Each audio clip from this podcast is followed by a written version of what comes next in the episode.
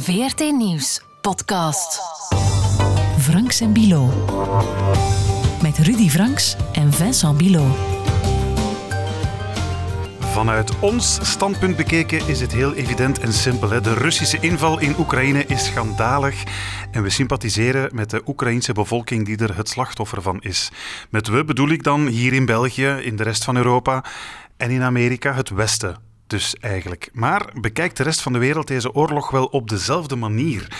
Zijn er misschien ook landen die meeheulen met Rusland en bij die oorlog zelfs iets te winnen hebben?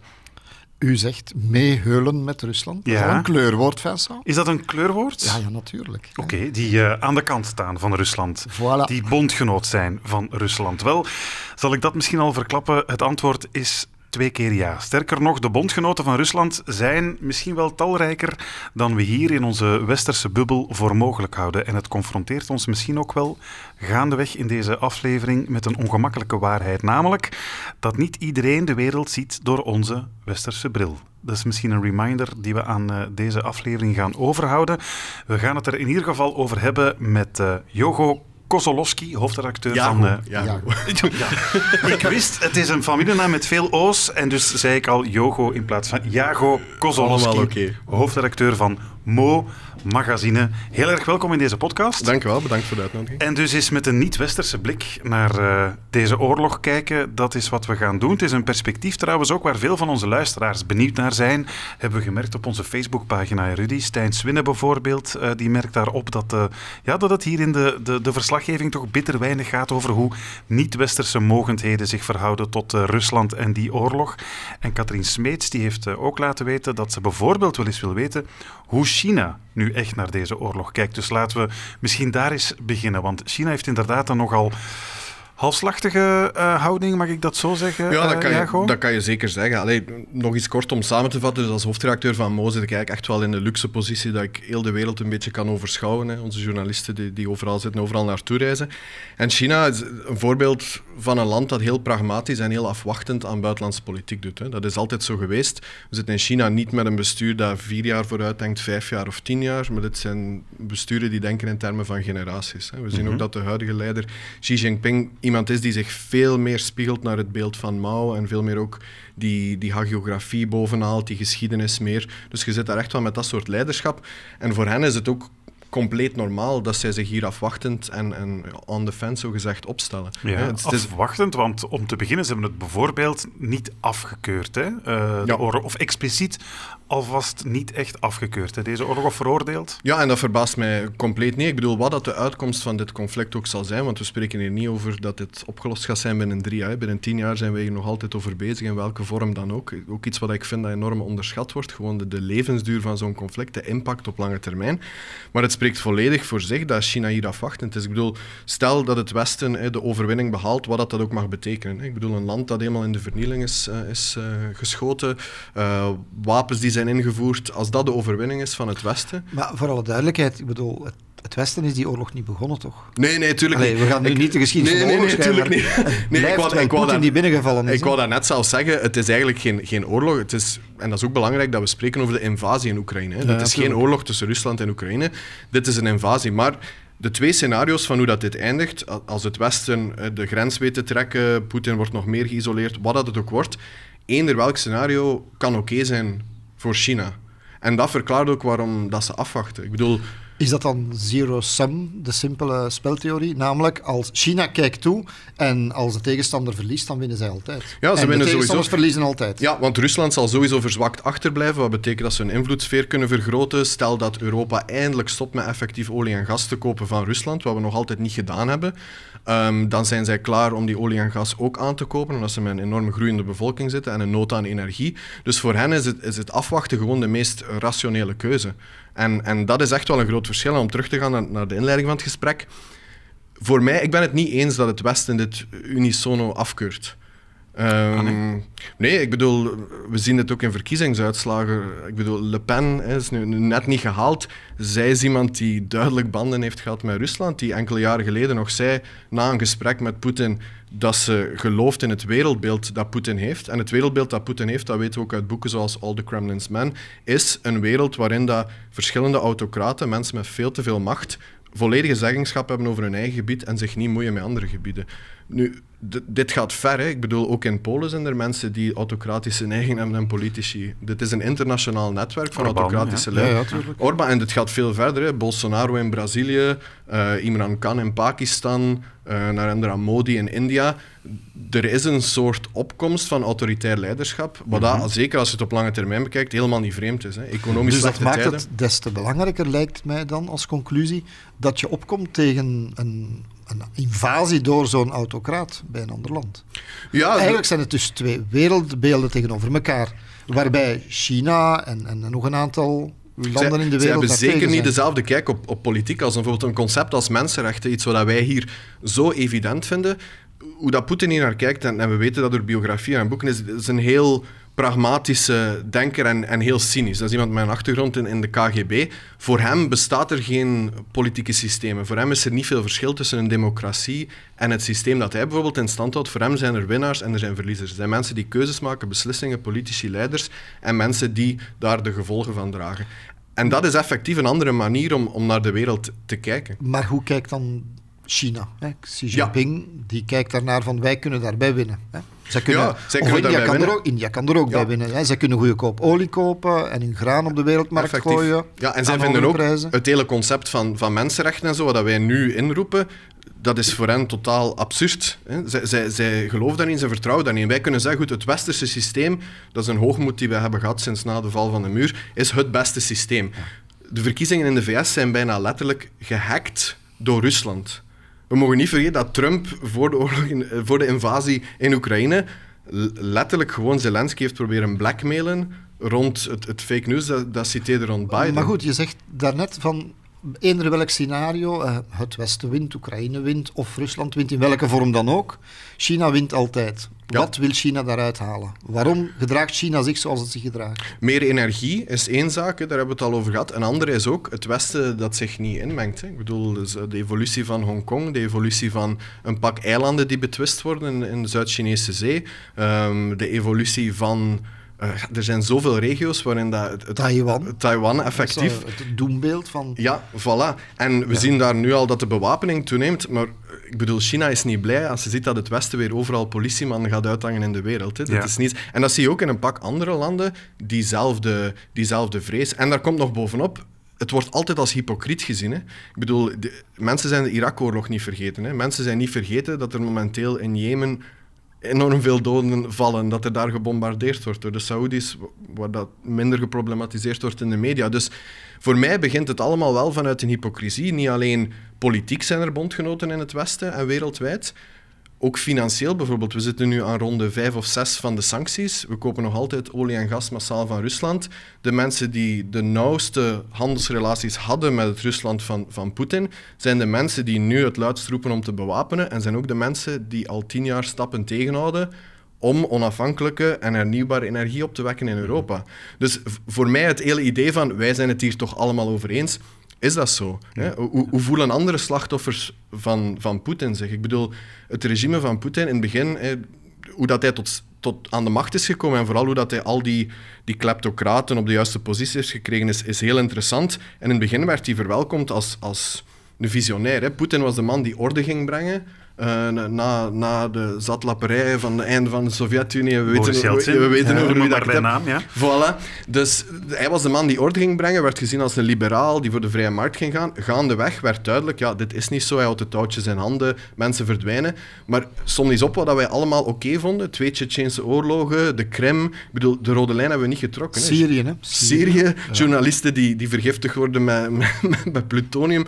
Hmm. Dat is allemaal geen probleem gebleken. Tot nu een streep in het zand. Dus voor mij, om die blik, en let op, hè, ik woon liever hier dan in Rusland. Ik woon liever hier dan eender wat. Ik ben hier niet om, om te gaan doen alsof dit conflict ja, want in niet Rusland zou MoMA-magazine wel een heel andere teneur moeten Ja, we zijn e- eergisteren hebben, zijn we, of, of het was nog even geleden, zijn we aangevallen door, door een Russische cyberaanval op onze website, omdat we een interview over fake news en, en heel de desinformatiecampagne ook vertaald hadden naar het Oekraïens en het Russisch. En een paar dagen later ja, een aanval vanuit Sint-Petersburg, waar dat het gekende trollcentrum zit waar, dat, waar dat Rusland al zijn online operaties doet.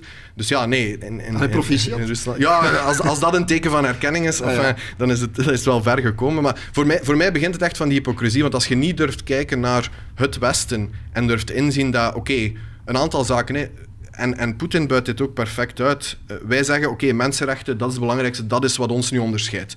Oké, zegt Poetin, hier komt een massale golfvluchtelingen, laat eens zien. Mhm. Laat eens zien hoe dat, dat loopt. Ja, ja. En hij zegt, vrijheid van meningsuiting, met al die sociale mediabedrijven die in de westkust van de VS zitten, omdat je volgens de Amerikaanse wet 100% vrijheid van meningsuiting hebt, hier is fake news, doe maar. Laat maar eens zien hoe... Maar, als ik, want dat is een andere discussie Zeker. natuurlijk, maar toch, als, als je niks doet, krijg je ook slagen. Uh, dat China is want hij heeft vluchtelingen via Wit-Rusland toch gestuurd. Hè? Ja, ja, hij heeft hacking gedaan bij verkiezingen sowieso. Hè?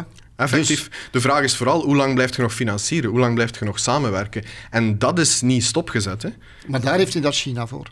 Ja, maar ook het, Westen, ook, ook, het Westen. Olie en gas loopt nog. Tijdens de sancties wordt er altijd gevraagd om uitzonderingsmaatregelen. Ik, ik weet dat er beweerd is door premier De Croo dat hij niet heeft gevraagd voor uitzondering voor de diamanthandel. Er zit nog een andere Belg aan tafel bij die gesprekken, dat is een eurocommissaris. Reinders bedoelt je? Ja, inderdaad. Dit is niet opgedroogd, dit is niet uitgezocht. Die banden zijn er. Topsportsector, crypto, gokwereld, dat is Russisch geld. Dus in zekere zin, er wordt een oorlog gefinancierd vanuit het Westen in, in opdracht van Poetin en de mensen op het slagveld, dat hebben we ook allemaal gezien, weten soms niet eens dat ze in Oekraïne zijn of zijn zo gedesinformeerd omdat Poetin het mediasysteem... Dus wat je nu zegt is van wij zijn hypocriet, de rest van de wereld ziet dat, dat, wij hypocriet zijn. dat we hypocriet zijn, want we blijven er toch onze, onze essentiële belangen verdedigen. Maar we vragen wel dat zij mee het vuil werk opknappen. Effectief. En ik denk, het Westen verwijten dat we hypocriet zijn. Dat kan iedereen verwijten. Politiek is zo. Iedereen is pragmatisch. Ik bedoel, eh, plek vrij en de open armen voor Oekraïnse vluchtelingen. Ja, wat gingen we anders doen? Er was geen andere optie. Hè? Anders had Polen de deur dicht gedaan en zitten met mensen die sterven aan de grens. Dus voor mij is het helemaal geen verwijt dat het Westen hypocriet is, maar het is een groot probleem als wij niet onze eigen hypocrisie durven zien en ons dan gaan afvragen, ja, waarom, waarom sluiten mensen zich nu niet aan? Ik heb wel de hashtag plekvrij niet gezien toen uh, er uit Afghanistan en uit Syrië massale vluchtelingen naar hier kwamen. Toen heb ik die hashtag niet gezien, dus ook dat kun je... Ja, voilà, en dat is geen toeval. En, en een pak mensen, ook, ook in Vlaanderen, zien dit. Hè. En dan heb je met de vraag, oké, gaat het hier om, om racisme? Dat is dan een vraag die je vraagt, gaat het hier om het feit dat dit mensen zijn als ons weerleg die claim maar eens. Hè. Kijk eens naar de nieuwsfragmenten van, van journalisten die ter plekke zetten. Dit zijn mensen net als ons. Maar om terug te koppelen naar, naar ons uitgangspunt, zie je die verwijten van hypocrisie in China, in India, in Afrika? Over het Westen, als wij vragen voor een boycott? Oh ja, zeker, zeker. Ik bedoel, die kritiek is er. Hè. Dit is, eh, hoe dat wij naar onszelf kijken, staat compleet los. Het idee is nu goed, Europa is niet meer zo krachtig. In de geschiedenisboeken gaan niet 2020 of 2022 als kantelpunt staan. Hè. Dat gaat ofwel 1991 zijn ofwel 2001. Het enige wat Europa en het Westen bij uitbreiding nog heeft, is enorm veel kapitaal en wij zijn een consumentenmarkt. Dat is waarom dat wij bijvoorbeeld voor China heel interessant zijn, omdat wij heel veel aankopen en zij dan valuta hebben. Maar het hele idee dat het Westen nog altijd politieman van de wereld kan spelen... Nu, ik heb wel het CIPRI-jaarboek, de resultaten gezien. Amerika is nog veruit de grootste militaire spender. Ja, ja. Zo ongeveer tien keer, zo, of hoeveel keer zo groot als, het is, het is als Rusland? Het is enorm veel meer, ja. Maar dan stel ik mij ook de vraag, alles na de invasie in, in Oekraïne, is de oproep geweest van we moeten herbewapenen, meer bewapenen. België heeft geld vrijgemaakt. Iedereen weet, iedereen met enige militaire kennis, dat dit niet nodig is. Dat extra bewapening niet nodig is. Want los van het feit dat je met veel meer uitgaven zit in het Westen, het leger, zit je ook gewoon met corruptie. Bedoel, het Russische leger doet het slecht. Dat is eigen aan een autocratisch systeem. Hè. Een autocratisch systeem kweekt gewoon corruptie, omdat het ook aan de top zit. Maar om nog eens terug te gaan naar dat geld dat, dat in het Westen zit, de huizenmarkt in Londen bijvoorbeeld. Iedereen weet dat de kleptocraten rond Poetin die zitten in een gouden kooi. Die krijgen enorm veel geld, die mogen uh, een, een, nationale sector beheren, bijvoorbeeld de mijnbouwsector, energie.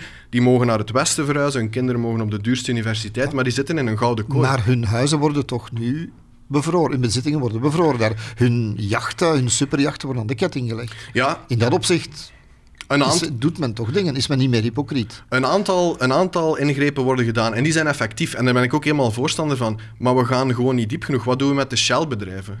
De Russia Archives, de opvolging van de Paradise Papers, heeft aangetoond dat heel veel van die Russische oligarchen hebben hier ook gewoon postbusbedrijven of hebben die in Malta. Maar goed, als ik dan de sprong mag maken naar... Een, we, gaan de, we springen de wereld rond, ja. naar de Arabische wereld. Ja. ja. Als je dan ziet, in Dubai zijn die jachten nog wel welkom.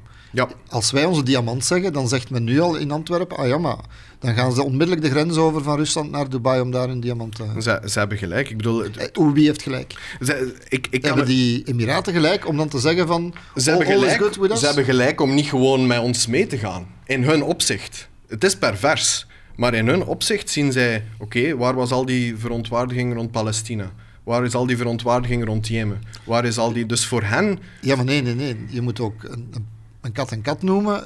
Saudi-Arabië en Dubai zijn verontwaardigd omdat we in Jemen hun niet voldoende steunen. Omdat we niet voldoende bommen geven om op de Jemenieten te gooien. Omdat ze nog verder willen gaan. Nee, nee, dat is, dat is een groot verschil in die landen zelf. Ik heb het dan meer over de islamitische wereld, Arabische wereld en, en de diaspora hier. Dus voor mij zijn die twee ook gelinkt aan elkaar. Ik, bedoel... ja, ik heb het over de emirs. Hè? Ja, ja ik heb het over zelf, Mohammed bin Salman, die de telefoon van Biden niet eens opneemt. Niet eens opneemt als die zegt van je zou een beetje meer olie moeten oppompen, want wij willen de prijs naar beneden maar krijgen. Maar die, die macht is gewoon weg. Dat die telefoon niet wordt opgenomen is ook een enorm krachtig signaal. Ik denk dat wij ook onderschatten de vernedering decennia lang die deze regio's gehad hebben. Hè, nog los. Ja, maar je moet toch een onderscheid maken tussen de vernedering van Palestijnen en de regio en het Saoedische Koningshuis. ja, ja, zij instrumentaliseren dit. Hè. Ik, ik ben het niet eens met, met het feit dat zij dit doen. Maar... De man is op zijn teen getrapt omdat Khashoggi hè, voilà, omdat hij de schuld krijgt van de moord op die journalist in Washington. omdat zelfs dat al te ver gaan is. Maar dat toont wel goed aan dat die machtbalans gewisseld is, wil ik maar zeggen. Want de VS is heel bescheiden in Khashoggi geweest, hè, veel te terughoudend, maar toch is dat genoeg om de telefoon niet op te nemen. En dat, dat toont goed dat die machtsbalans gewisseld is. En als ik dan een stap verder denk, dan zeg ik van, wat hier op het spel staat, is niet alleen autocraat Poetin die Oekraïne aanpakt, Europa dat bedreigd wordt, of bepaalde Baltische staten zich bedreigd voelen, de macht van de NAVO. Hier staat op de macht op wereldschaal voor de toekomst. Bewijzen wij als Westen hier dat we het kunnen waarmaken om dit af te remmen.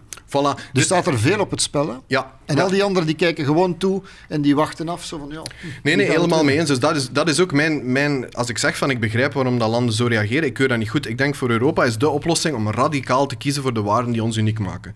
Radicaal voor mensenrechten, radicaal. Maar daarvoor moet je dus die hypocrisie in de ogen kijken. Want het is effectief wel zo dat men vanuit Rusland kijkt, oké, okay, uw systeem is goed met mensenrechten, ja, gaat dat eens uitleggen aan sans-papiers dat hier al tien jaar wonen en niet mogen werken. Uw systeem uh, is goed voor uh, heeft weinig racisme, ja, kijk eens naar de studies. Dus die hypocrisie bekijken is voor mij een weg om het beter te doen. Dus als ik zeg van ik begrijp die buitenlandse leiders, die kopen ons riedeltje gewoon niet meer. En vroeger kochten ze ons riedeltje, omdat er ook vaak gewoon een enorme zak geld aan hangt. Nu heb ik het meer over het Afrikaanse ja, continent ik denk niet dat de sheiks van, van de golfstaten ons riedeltje ooit gekocht hebben. Hè? Nee, nee, effectief. Die hebben zich altijd krachtig opgesteld. En hier gaat ook hè, de olieprijs, onder andere, het feit dat hè, de VS heeft van in het begin redelijk snel, veel sneller dan Europa, want we hebben nog altijd gezegd, geen Russische energie meer, geen olie en gas. Dan hebben zij natuurlijk gevraagd aan Saudi-Arabië en anderen, ja, kunnen jullie meer oppompen? Maar de Amerikanen kunnen dat zeggen, want ze hebben zelf wel productie. Ik bedoel, de prijzen stijgen prijsstijging is, is, is, zelfs goed voor hen natuurlijk. Hè. Ja, ja. Alleen wij, Europa, staan eigenlijk in Ja, wij staan echt met, met onze rug in de muur. Ik bedoel, komende winter gaat daar echt wel uh, het ergste punt worden. Hoor. Het ergste moet nog komen. En mijn vraag is dus vooral met die sancties en die hypocrisie. Hoe diep zijn wij, willen wij in ons eigen vel snijden? Want dat moet er gebeuren om het geld te doen opdrogen. Dat is een heel interessant opiniestuk in de, in de standaard van Peersman. Ja. Effectief. En die zegt van ja, we doen zelfs geen diamant. We doen eigenlijk letterlijk wat hij u zegt, hè, snijden we niet genoeg. Maar je zou wel kunnen importheffingen op. Ja, er zijn verschillende manieren om dit te doen. Ik geloof ook dan niet... verdienen we eraan. Voilà, ik geloof ook niet, ik geloof ook niet dat... Ik denk inderdaad dat je die hebzucht en die vraag die er is, dat moet je niet proberen bevechten. Ik denk effectief dat importheffingen en zo'n slimmer systeem is. Maar de, de kernvraag gaat wel terug naar, ja, zijn wij bereid om in eigen boezem te kijken en te beseffen dat onze topsportclubs vol Russisch geld zitten. Te beseffen dat al die gokkantoren die iedereen de laatste vijf jaar ziet opduiken, dat dat geen toeval is.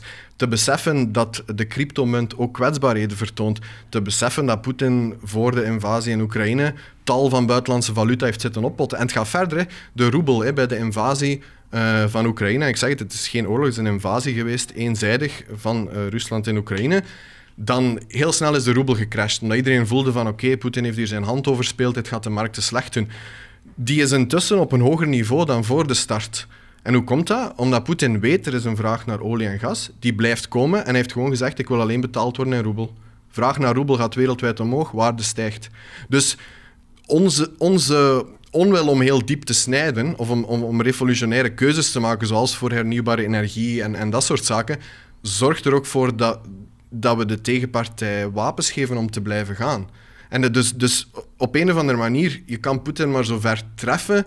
Kijk, vanaf, wat het daarnet al over Yeltsin gaat, uiteindelijk heel die integratie en waarom dat je zo verschillende de kleptocraten ziet die die sectoren in handen hebben, dat heeft te maken met het feit dat um, toen Yeltsin herverkozen moest worden, was het zo dat hij in de peilingen er heel slecht voor stond. En dat is professor Bruno Merlevee, heb ik nog geïnterviewd van UGent, die, die legt het heel goed uit in een vak dat hij in 2012 nog mocht geven en dat ik heb mogen volgen, maar intussen niet meer gegeven wordt, over de transitie van die economieën in het marktsysteem. Wat is er toen gebeurd?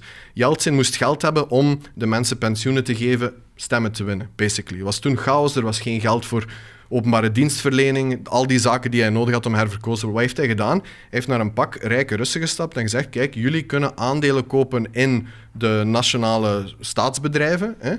Uh, en in ruil krijg ik geld op korte termijn. En voor een prikje, hè? want toen alles was chaos in dat land. Uitverkoop gehouden eigenlijk. En dat zijn de, de, oligarchen geworden. Dat zijn de oligarchen geworden. En die relatie ook, want we hadden het net over de sanctie van, ja, die boten worden nu toch afgepakt ik denk soms dat die sancties contraproductief kunnen zijn. Stel, je bent een oligarch. Hè. Je hebt belachelijk veel geld, uh, maar je weet vanaf dat je iets fout zegt, um, zit er plutonium in je drinken of verdwijnt in een busje in het beste geval. Hè. Dat zijn gewoon gegevens, dat weten we. Mm Poetin controleert uw geldrekeningen, dat is zo. Zodat hij altijd geld heeft dat kan blijven circuleren naar hem. Dat gewoon uit het westen zit, in het westen zit, Shell-bedrijven, al die zaken. Als je tegen die persoon zegt, nu moet jij eens kiezen. Oftewel uh, geef jij u over of komen wij u halen en pakken wij uw jacht, uh, vliegt de gevangenis in, we pakken alles af. Ehm, een pak van die mensen stonden klaar om de overstap te maken. Hè? Maar als je natuurlijk niet zegt, oké, geef al uw geld, leg de geldkraan dicht voor Poetin, we gaan u amnestie geven, we gaan u een nieuwe gezin geven, dat is heel contraproductief en dat voelt heel fout aan. Hè? En dat is heel pijnlijk, maar dat is wel de manier waarop dat je de geldkraan dicht doet. Dus dat zijn fouten die het Westen zal het anders moeten aanpakken. En waar blijft dan zeg maar de, de zwarte Afrikaan die zijn tarwen en zo stijgen in prijs en die, die op een voedselcrisis afstevend misschien? Ja. Waar blijft die en, en wat bepaalt voor hen het lot? Well, ik denk daar dat je op, op het Afrikaanse continent zie je dat ze vooral niet willen herhalen de fouten die gemaakt zijn ten tijde van de Koude Oorlog. Hè. Toen zijn er heel veel landen die gemerkt hebben van ja, als je voor oftewel kapitalisme of het communisme kiest, en hier gaat het niet om dat soort modellen. Hè. Hier gaat het om autocratie of democratie met al zijn gebreken. Hè. En autocratie heeft er veel meer in Rusland hadden wij dit gesprek niet gehad, om een voorbeeld te geven. Dus nog eens, ik, ik, kan dat niet genoeg herhalen. Ik, ik, ik duid op de hypocrisie om in te zetten op die mensenrechten, om meer te doen. Maar in Afrika zie je, zij willen die fouten niet herhalen. Omdat toen de leiders die toen duidelijk kant gekozen hebben, of zelfs niet eens zo duidelijk, Patrice Lumumba was een nationalist, werd hier gezien als een communist zijn, zijn zuur opgelost nadat hij begraven is. Ik bedoel, er zijn een pak leiders die toen fout gekozen hebben, zal ik maar zeggen, om geld te krijgen op korte termijn en, en die het bekocht hebben, wiens land dat het bekocht heeft. Ik zie daar ook de breuklijn in van, van toen, van de jaren 80 waarschijnlijk. Namelijk Angola, al diegenen die toen pro-Rusland waren, pro-Sovjet-Unie waren of van hen de wapens kregen. Die hebben nu ook voor, voor Poetin gestemd. Ja, ja, in heel grote lijnen. Is neutraal ja, in heel grote lijnen ziet je dezelfde evoluties en landen gaan niet revolutionair wijzigen op een aantal decennia. Wel, maar dat is een gevaarlijke analyse, want die landen zijn wel een pak afwachtender en beseffen dat zij nu veel meer in handen hebben. Ik bedoel, Rusland uh, mengt zich ook in, in Afrika met Mali, met de, de Wagner-groep, wat een huurlingenleger is. Ze zijn veel minder afhankelijk. In de tijd van de Koude Oorlog was het effectief wel zo van, ja, van waar komt het geld? Wij, gaan wel mee daarmee. Nu tonen ze zich veel afwachter en je hebt dan natuurlijk ook nog lokale dingen. Ik bedoel, één land dat heel interessant is, is Eritrea. Gekend als eh, het Noord-Korea van Afrika, waarmee, waarmee dat wel heel veel gezegd is. De groep vluchtelingen, politiek asielzoekers in België is bij de top drie is altijd Eritrea bij. Ja, dat is een regime dat niemand van ons zich kan inbeelden als je daar aan de slechte kant van staat, wat het er met u. Dwangarbeid voor elke uh, jongeman, hè? Dat scheelt niet veel. Ja, ja, dat noemen ze legerdienst, maar bon, dat kan de rest van je leven zijn. Effectief. En daar zit je dus weer die trend van autocratische leiders die elkaar vinden. En nu, in Afrika is het al veel langer aan de gang. Hè. Bijvoorbeeld een aantal jaar geleden was ik in Madagaskar. Wat zie je daar? Uh, borden aan de kant van de weg zijn in Chinees. Uh, de politieuitrusting staan Chinese letters op het Westen is daar al niet meer de voornaamste partner om mee samen te werken. En waarom? Omdat wij altijd begonnen over die mensenrechten. Wat dat terecht was. Maar als je dat natuurlijk koppelt met die hypocrisie, dan zegt de Afrikaanse elite, die daar aan de macht is nu, ja, dan werk ik liever met de Chinezen. Stellen geen vragen, het gaat over cijfers, niks over mensenrechten, geen gedoe. Dus ja, alle... die, die, u verwijst naar hypocrisie in het Westen, maar is dat ook niet een hypocriete redenering dan? Want die elite, Tuurlijk. dat is een immens... die verkopen ook een land. Die verkopen ook een land. Ja, effectief. Ja, dat is commerce, dat is uh, van au comptoir, hè? Ja. zo noemen ze dat. Dat is gewoon hier, jij krijgt een zak geld of een weg die volgend jaar toch kapot is van de Chinezen en intussen krijgen zij hun mijnen. Exact hetzelfde als met het uiteenvallen van de Sovjet Sovjet-Unie. Je ziet gewoon korte termijn belangen van politici die hun land uitverkopen op lange termijn. En waar dat dus andere landen een voordeel mee doen. Nee, nee, ik bedoel de hypocrisie van het Westen. Iedereen, iedereen is belachelijk hypocriet. En dat brengt ons dan weer bij die, die redenering van daar straks. Wie zijn de vijf landen die voor Poetin gestemd hebben? No Eritrea? Ja, Noord-Korea. de VN-veiligheidsraad, hè? Syrië? In de, ja, niet de Veiligheidsraad, maar nee, in de... Syrië was er dan ook nog bij. De rest ja, okay, gaan, het, dus het is een select gezelschap van ja, ja, effectief. En de goorste mensenrechten schendingen. En, ja, maar je ziet daar ook een band en dat gaat, dat gaat veel ruimer. Ik denk dat veel mensen onderschatten hoe internationaal dat dit netwerk is. Ik zal één voorbeeld geven over een ander land, Cameroen. In Cameroen zit je ook met wat dat wij een dictator zouden noemen, een autocraat. Eh, zelf zal hij liever andere termen horen. Een onderzoek dat, dat Arne Gillis voor ons gedaan heeft een tijd geleden, legde bloot dat de dictator daar, Paul, Paul Biya, dat hij via een netwerk van republikeinse um, ja, spindokters, mensen die rond de politiek hangen in de, in de VS, dat hij via hen een heel netwerk aan Engelstalige valse nieuwsites had opgezet met hoera-verhalen over Cameroen. Dus dit is een internationaal netwerk. En we kunnen zeggen, ja, het Westen en de, en de VS is gekant tegen. Republikeinen hebben tegengestemd. Ik geloof dat er 56 waren. Een aanzienlijk aandeel Republikeinen hebben tegen de versterking van de NAVO gestemd. Russisch geld zit daar ook. Dus voor mij het, we starten gewoon met de, met de foute vaststelling als we zeggen van wij in het Westen zijn het allemaal eens. Dat is niet zo. Hè. We, we hebben hier mensen zitten in ons parlement die desinformatie van Russia Today blijvend hebben, hebben zitten verspreiden. Tot, tot letterlijk tot en met de invasie in Oekraïne. Maar je bedoelt, het Westen is geïnfiltreerd eigenlijk. Uh, ja, maar die mensen, die mensen geloven ook in dit wereldbeeld. Ik bedoel, wij, wij vinden democratie top, wij vinden mensenrechten top. Ja, omdat wij hier binnen zitten. En, en, en wij zitten Maar die mensen, bedoel, geïnfiltreerd ja, nu effectief. En er is geld, maar er is ook een wil. Er is ook een geloof in dat maar soort wat je nu zegt is eigenlijk, ruim je eigen huis op. En dan kom je niet meer hypocriet over bij de rest van de wereld. En dan kunnen we opnieuw beginnen praten over Het is een grote uitdaging. Je kunt je huis niet opruimen. Je kunt wel eerlijk naar je huis kijken en zeggen dat er misschien eh, wat moet aangepast worden. En voor mij vertrekt gewoon heel de premisse van... Je kunt kijken naar China en zeggen... Allee, waarom gaan die nu niet mee met ons? Maar dan negeert je gewoon alles wat er intussen gespeeld heeft. Voor mij is het vooral een beetje je ziet dat in, elk, in elke oorlogssituatie. Er wordt luid op de oorlogstrommel geslaan, we moeten bewapenen. Er is solidariteit die vooral nogal agressief vorm krijgt. En, en nogal rally round the flag wordt ook genoemd in de literatuur. Dat is enorm goed voor de, de interne banden in een land, in een regio. Dat weten we, dat zien we in Europa. Maar in dat alles gaan er wel heel wat feiten verloren. Hè. Er gaat verloren dat mensen die, die een maand later een handje schudden met Poetin, tot een aantal jaar geleden nog met onze toppolitici ontmoetingen hadden, geen enkel probleem. Een, een kratje bier afgeven, geen enkel probleem. Samen op een diamantconferentie spreken, geen enkel probleem. Dat is al na die Tsjetsjeense oorlogen. Dat is al Dus voor mij gaat het gewoon om, ik wil niemand met de vinger wijzen. Iedereen is hypocriet, dat is politiek. Politiek is cynisch, pervers, pragmatisch, alles wat je wilt. Ik wil niemand met de vinger wijzen, maar een eerlijke analyse helpt iedereen wel om elkaar te begrijpen. Misschien de moeilijkste vraag van allemaal, dan staan wij dan aan de juiste kant van de geschiedenis of staat Eritrea aan de juiste kant? Nee, ik, ik, ik zal sowieso zeggen, de juiste kant, dat, dat is al niet een, een, objectieve vraag, maar ik ben voor mensenrechten. Ik zeg, we moeten radicaal solidair zijn. Eritrea kan niet aan de juiste kant van de geschiedenis staan. Dus van wie nu de, Rusland ook niet. Wie dus nu de kat uit de boom kijkt, zal vroeg of laat ook moeten kiezen. Ja, ja, zal vroeg of laat ook moeten kiezen, maar het is fijner kiezen als je al weet wie dat er aan de winnende hand is. En een aantal maanden wachten kan dat al opleveren. Dus, en ik zeg het, de juiste kant van de geschiedenis, ik denk dat Europa nu vooral volop moet tonen van nee, die solidariteit, die mensenrechten, we kunnen dat wel doen. Want dat is duidelijk de, beproeving. Dit is een beproeving van ons systeem, waarbij dat wij, het einde der geschiedenis, Francis Fukuyama, als je democratie hebt en een vrije markt, dan loopt alles goed. We, we hebben dat tien jaar geloofd, sommigen geloven dat nog altijd, veel te veel mensen het is duidelijk dat dat niet werkt. Dat wil niet zeggen dat ons systeem niet goed is. Dat wil niet zeggen dat ons systeem niet het beste is, wat dat ook mag betekenen voor u, en dat je ervoor moet vechten. Maar ik geloof wel dat als je die andere landen wilt meekrijgen en mensen daar, dan doet je het niet door, ik zal nu maar zeggen, bijvoorbeeld de Afrikaanse boer of, of wat dat je ook zegt, de, de, Afrikaanse man in de straat van een land dat kant kiest en zo, die zien dat hun lokale elites hun land uitverkopen, hun grondstoffen. Maar de vraag is, krijg je die mee door mij aan te zeggen, allee, waar zitten?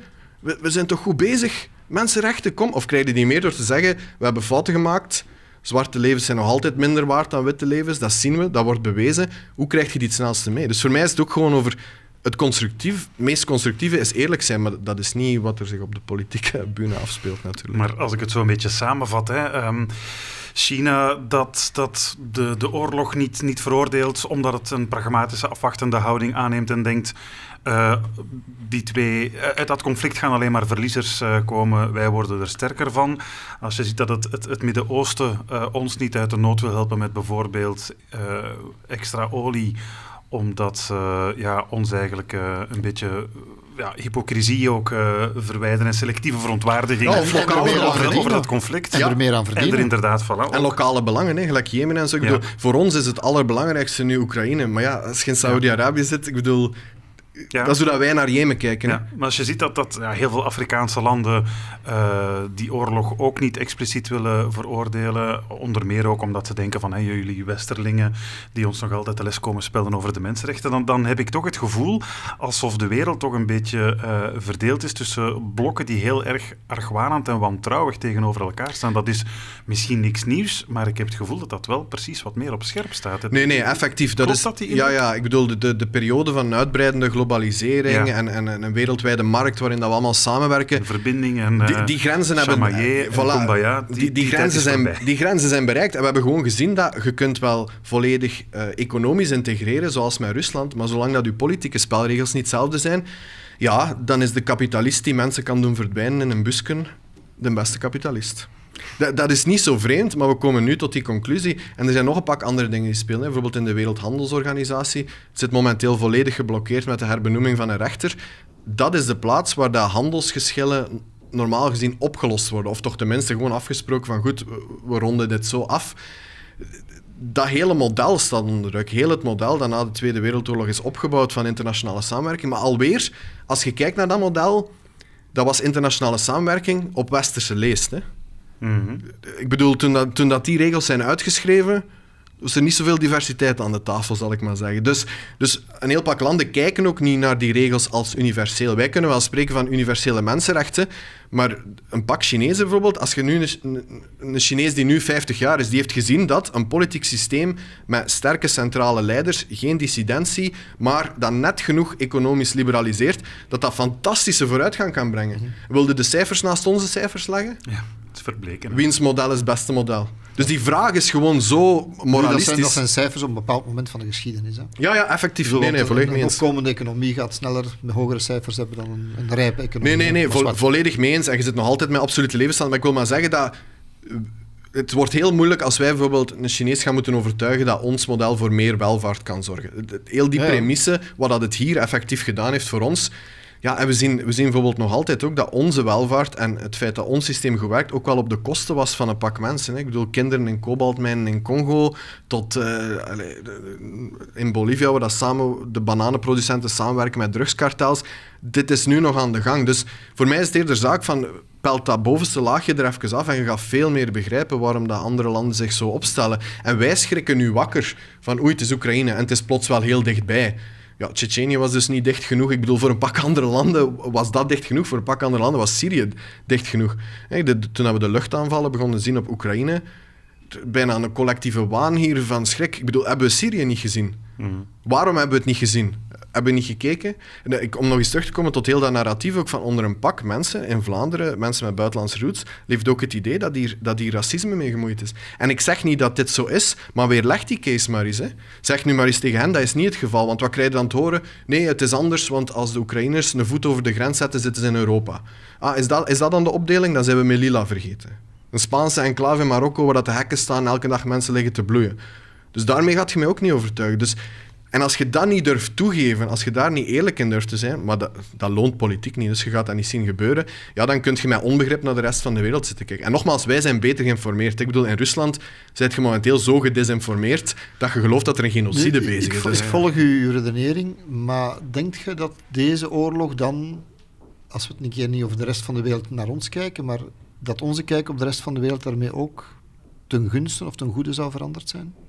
Dat Oekraïne ons ook een soort van catharsis geeft? Ik denk dat het, dat het nog alle kanten kan opgaan. Want je ziet ook gevaarlijke evolutie. Dus ik vind die catharsis, die realisatie van hoe ver kunt je gaan.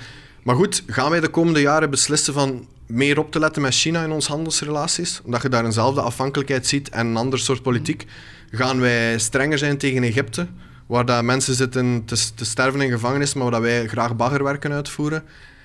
Ga, gaan we dat doen, dan is dat positief. Maar wat ik nu al zie, is enorm bewapenen. De levensduur van wapens, dat weten jullie ook, is niet twee jaar. Hè. De, de, wapens die dat het Westen gegeven heeft aan de Mujahideen, zijn degenen die de Taliban gebruikt hebben. Hè. Mhm. dus, dus heel het idee van, goed, je, je, brengt nu enorm veel wapens in een regio die niet heel gecontroleerd is. Je zit met burgermilities, je zit met al die zaken. Waar belanden die wapens? Belanden die op de Balkan? Belanden die in Oost-Europa? Die grens is nu heel poreus. De, de, de, zwarte wapenhandel in, in, in, in Europa is altijd heel duur geweest, veel duurder dan in andere landen.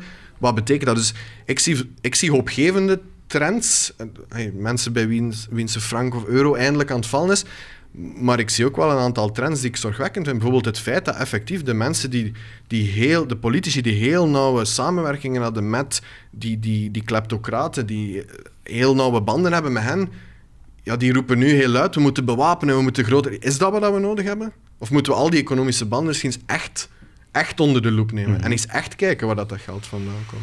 Ja, goh, ik ga mij proberen uh, op te trekken. En wij, wij allebei, denk ik, Rudy en ik, aan, aan, de, aan de paar uh, mogelijke positieve evoluties die er zouden kunnen uitkomen. Namelijk het besef van misschien af en toe onze eigen hypocrisie. En dat we er misschien eens moeten naar, uh, naar handelen om ons inderdaad ook echt eens onafhankelijker te maken van grootmachten zoals Rusland, maar ook China enzovoort. En om anderen te begrijpen. Zo begrijp je wat... Die bril van de anderen. Dat is blijkbaar de rode van onze uh, podcast. Iago Kozolowski van uh, Mogen Magazine, bedankt om ons perspectief even te uh, verbreden en uh, ondanks de vele cynische vaststellingen die er gemaakt zijn, ons toch ook een paar lichtpuntjes te tonen. Het waren er niet veel, maar toch een paar. Heel erg bedankt. Dankjewel. Franks en Bilo. Voor we eruit gaan, nog even de oren gespitst voor wie graag een uh, theaterstuk meepikt en uh, dat al eens graag doet op onze kosten. Want we hebben twee dueltickets te geven voor een voorstelling in de KVS die we ten eerste kunnen aanraden, uh, Rudy. Het gaat om They Blew Her Up, een theaterstuk over de Maltese journaliste Daphne Galicia. Uh, jij weet daar ongetwijfeld meer over dan ik. Uh, iemand die onderzoek deed, journalisten, naar uh, corruptie. en dat was het opmerkelijke binnen Europa. Die ja. dus, en daarvoor ook met haar leven. Die het met haar leven heeft bekocht, inderdaad. Want ze is in 2017 uh, ik geloof in haar wagen uh, opgeblazen. Hè? Uh, ja. Dus letterlijk, they blew her up. Absoluut, absoluut. En dat heeft wel ophef gemaakt, omdat je ook binnen Europa, want ja. we hebben het nu ook al over het conflict in Oekraïne en, en mm -hmm. de rest mhm. van de wereld gehad, maar ook binnen Europa, in onze eigen, eigen achtertuin, mm -hmm. gebeuren dit soort dingen blijkbaar. En ja. ook daar is er corruptie enzovoort. En dus persvrijheid die in gevaar kwam. Zij heeft daarvoor trouwens postuum dan een prijs gekregen op Difference Day, hè, op, van de VUB, die elk jaar de, de persvrijheid wil, ja. wil gedenken of wil steunen. En ja. zij heeft daar ook een prijs voor gekregen. En we de... hebben toen haar zoon bezig gehoord. Dus, uh, vond ik indrukwekkend, het verhaal. Ja. Nog altijd niet uh, helemaal opgehelderd uh, of opgelost, die moord. Want er zijn aanwijzingen dat een, een rijke zakenman die moord zou hebben besteld. Met maar... politieke banden. Inderdaad ook aanwijzingen dat die door politici de hand boven het hoofd gehouden wordt. Enfin, daarover allemaal gaat. Dus die voorstelling van, uh, uh, in de KVS op 4 en 5 mei is dat uh, They Blew Her Up met na de voorstelling een live gesprek dus met de zoon ja. van die journaliste. Van die de erfenis van zijn moeder, ja, de, de, erfenis van zijn moeder, de, de intellectuele journalistieke ja. erfenis. En je hebt, hem, je hebt, hem, al horen speechen? Ja, we hebben hem toen horen speechen mee gesproken ook, toen op Difference Day. Dat was toen dat we zelf ook met die Iraakse muzikanten uit Mosul daar waren. Die, dat was eigenlijk vergelijkbaar, hè, hoe dat de gruwel in de wereld, repressie, misdaad, Bon. Maar hij had een heel persoonlijk verhaal. Heel mooi, heel sterk. Oké, dus wil je daarbij zijn? Op onze Facebookpagina vind je een link om tickets te kopen uh, bij de KVS. Maar wij mogen ook uh, twee keer twee luisteraars uh, sturen. Twee duo-tickets die we kunnen weggeven. Dus als je ons een mailtje stuurt op vb.vrt.be en dan moeten we daar dan natuurlijk ook een soort uh, vraag bij koppelen. En dat, dat moet een vraag zijn waar, waarin alleen ja, onze, onze allertrouwste luisteraars het antwoord op uh, kennen, Rudy. Dus zou ik uh, voorstellen dat als je ons een mailtje stuurt, dat, dat je ons de naam moet kunnen geven van de professor die we te gast hadden in onze vorige podcast over de nucleaire deal met Iran. Wie was dat weer al? Ik zal een kleine tip geven. Mark Twain. Dus niet het juiste antwoord natuurlijk, maar Mark Twain, als je dan denkt, ja, welke boeken heeft hij zoal geschreven, personages van Mark Twain, dan ga je er misschien op uitkomen. Je, je, je weet toch wat ik bedoel, of is te moeilijk? Goh, maar je bent een intellectueel Ja, ik weet het, ja, kijk. Enfin, het antwoord dus op vb.vrt.be. En misschien mogen we jou wel naar uh, die voorstelling sturen. Ik geloof dat het de eerste dag is op 4 mei in de KVS. Franks en Bilo heel belangrijk om mee te geven tijdens eh, deze aflevering is dat je Franks en Bilo natuurlijk nog altijd kunt beluisteren op je favoriete podcast-app of op Spotify. Maar je kan hem vanaf nu ook terugvinden op VRT Nu. Waar je dus behalve uh, bijna alle tv-programma's van de VRT nu ook alle podcasts kunt terugvinden. Waaronder bijvoorbeeld, ik geef het maar mee, die van Puntje van Kritiek. Misschien heb je daar ooit al van gehoord. Dat is een fantastische podcast waarin uh, Thomas de Soete en toevallig ikzelf ook uh, Uiteraard, ja. elke week proberen tegemoet te komen aan de puntjes van kritiek die VRT-gebruikers soms aan te merken hebben op de programma's. Ja, had trouwens van de VRT. een geweldige uitzending over de, het VRT besparings- of transformatie. Voilà, dat is eigenlijk ook een beetje de functie die wij, die wij op ons nemen, eigenlijk. Rudy, om proberen de VRT beter te maken. En als onze CEO zegt dat er moet bespaard worden, dan proberen wij inderdaad naar manieren te zoeken waarop bijvoorbeeld onze radio-uitzendingen wat goedkoper kunnen. Dus als je, als je dat wil horen, dan moet je naar Puntje van Kritiek luisteren. Kan, kan jij ons een jingle na, nazingen? Nee, nee, nee. Dat ga ik ook niet doen. maar dus vanaf nu vind je daar ook deze uh, bijna even boeiende en uh, immer verrijkende podcast Franks en Bilo op VRT nu dus. Voilà. Dus moeten wij nog alleen maar een aantal mensen bedanken. Hè? Dat klopt. Uh, bijvoorbeeld uh, onze studiogasten, Jago Kozolowski van Mo Magazine. Voilà. En de research die was in handen van Lupna Galgali en Antoon van Lommel. Ja, de sociale media die worden beheerd door Goran Verluiten. Eindredactie Vincent Merks. En wij waren Franks. En Milo. Ja, tot uh, Juist, onze volgende aflevering. Die uh, komt er mogelijk een weekje later. En dat heeft te maken met het feit dat, dat Rudy wat verplichtingen heeft als conflictjournalist ergens. Ik weet ja, niet ja, ja, een beetje, een beetje bezig zo. Ja, oké. Okay. Dus tot dan. Jo, ciao. Dit was een podcast van VRT Nieuws.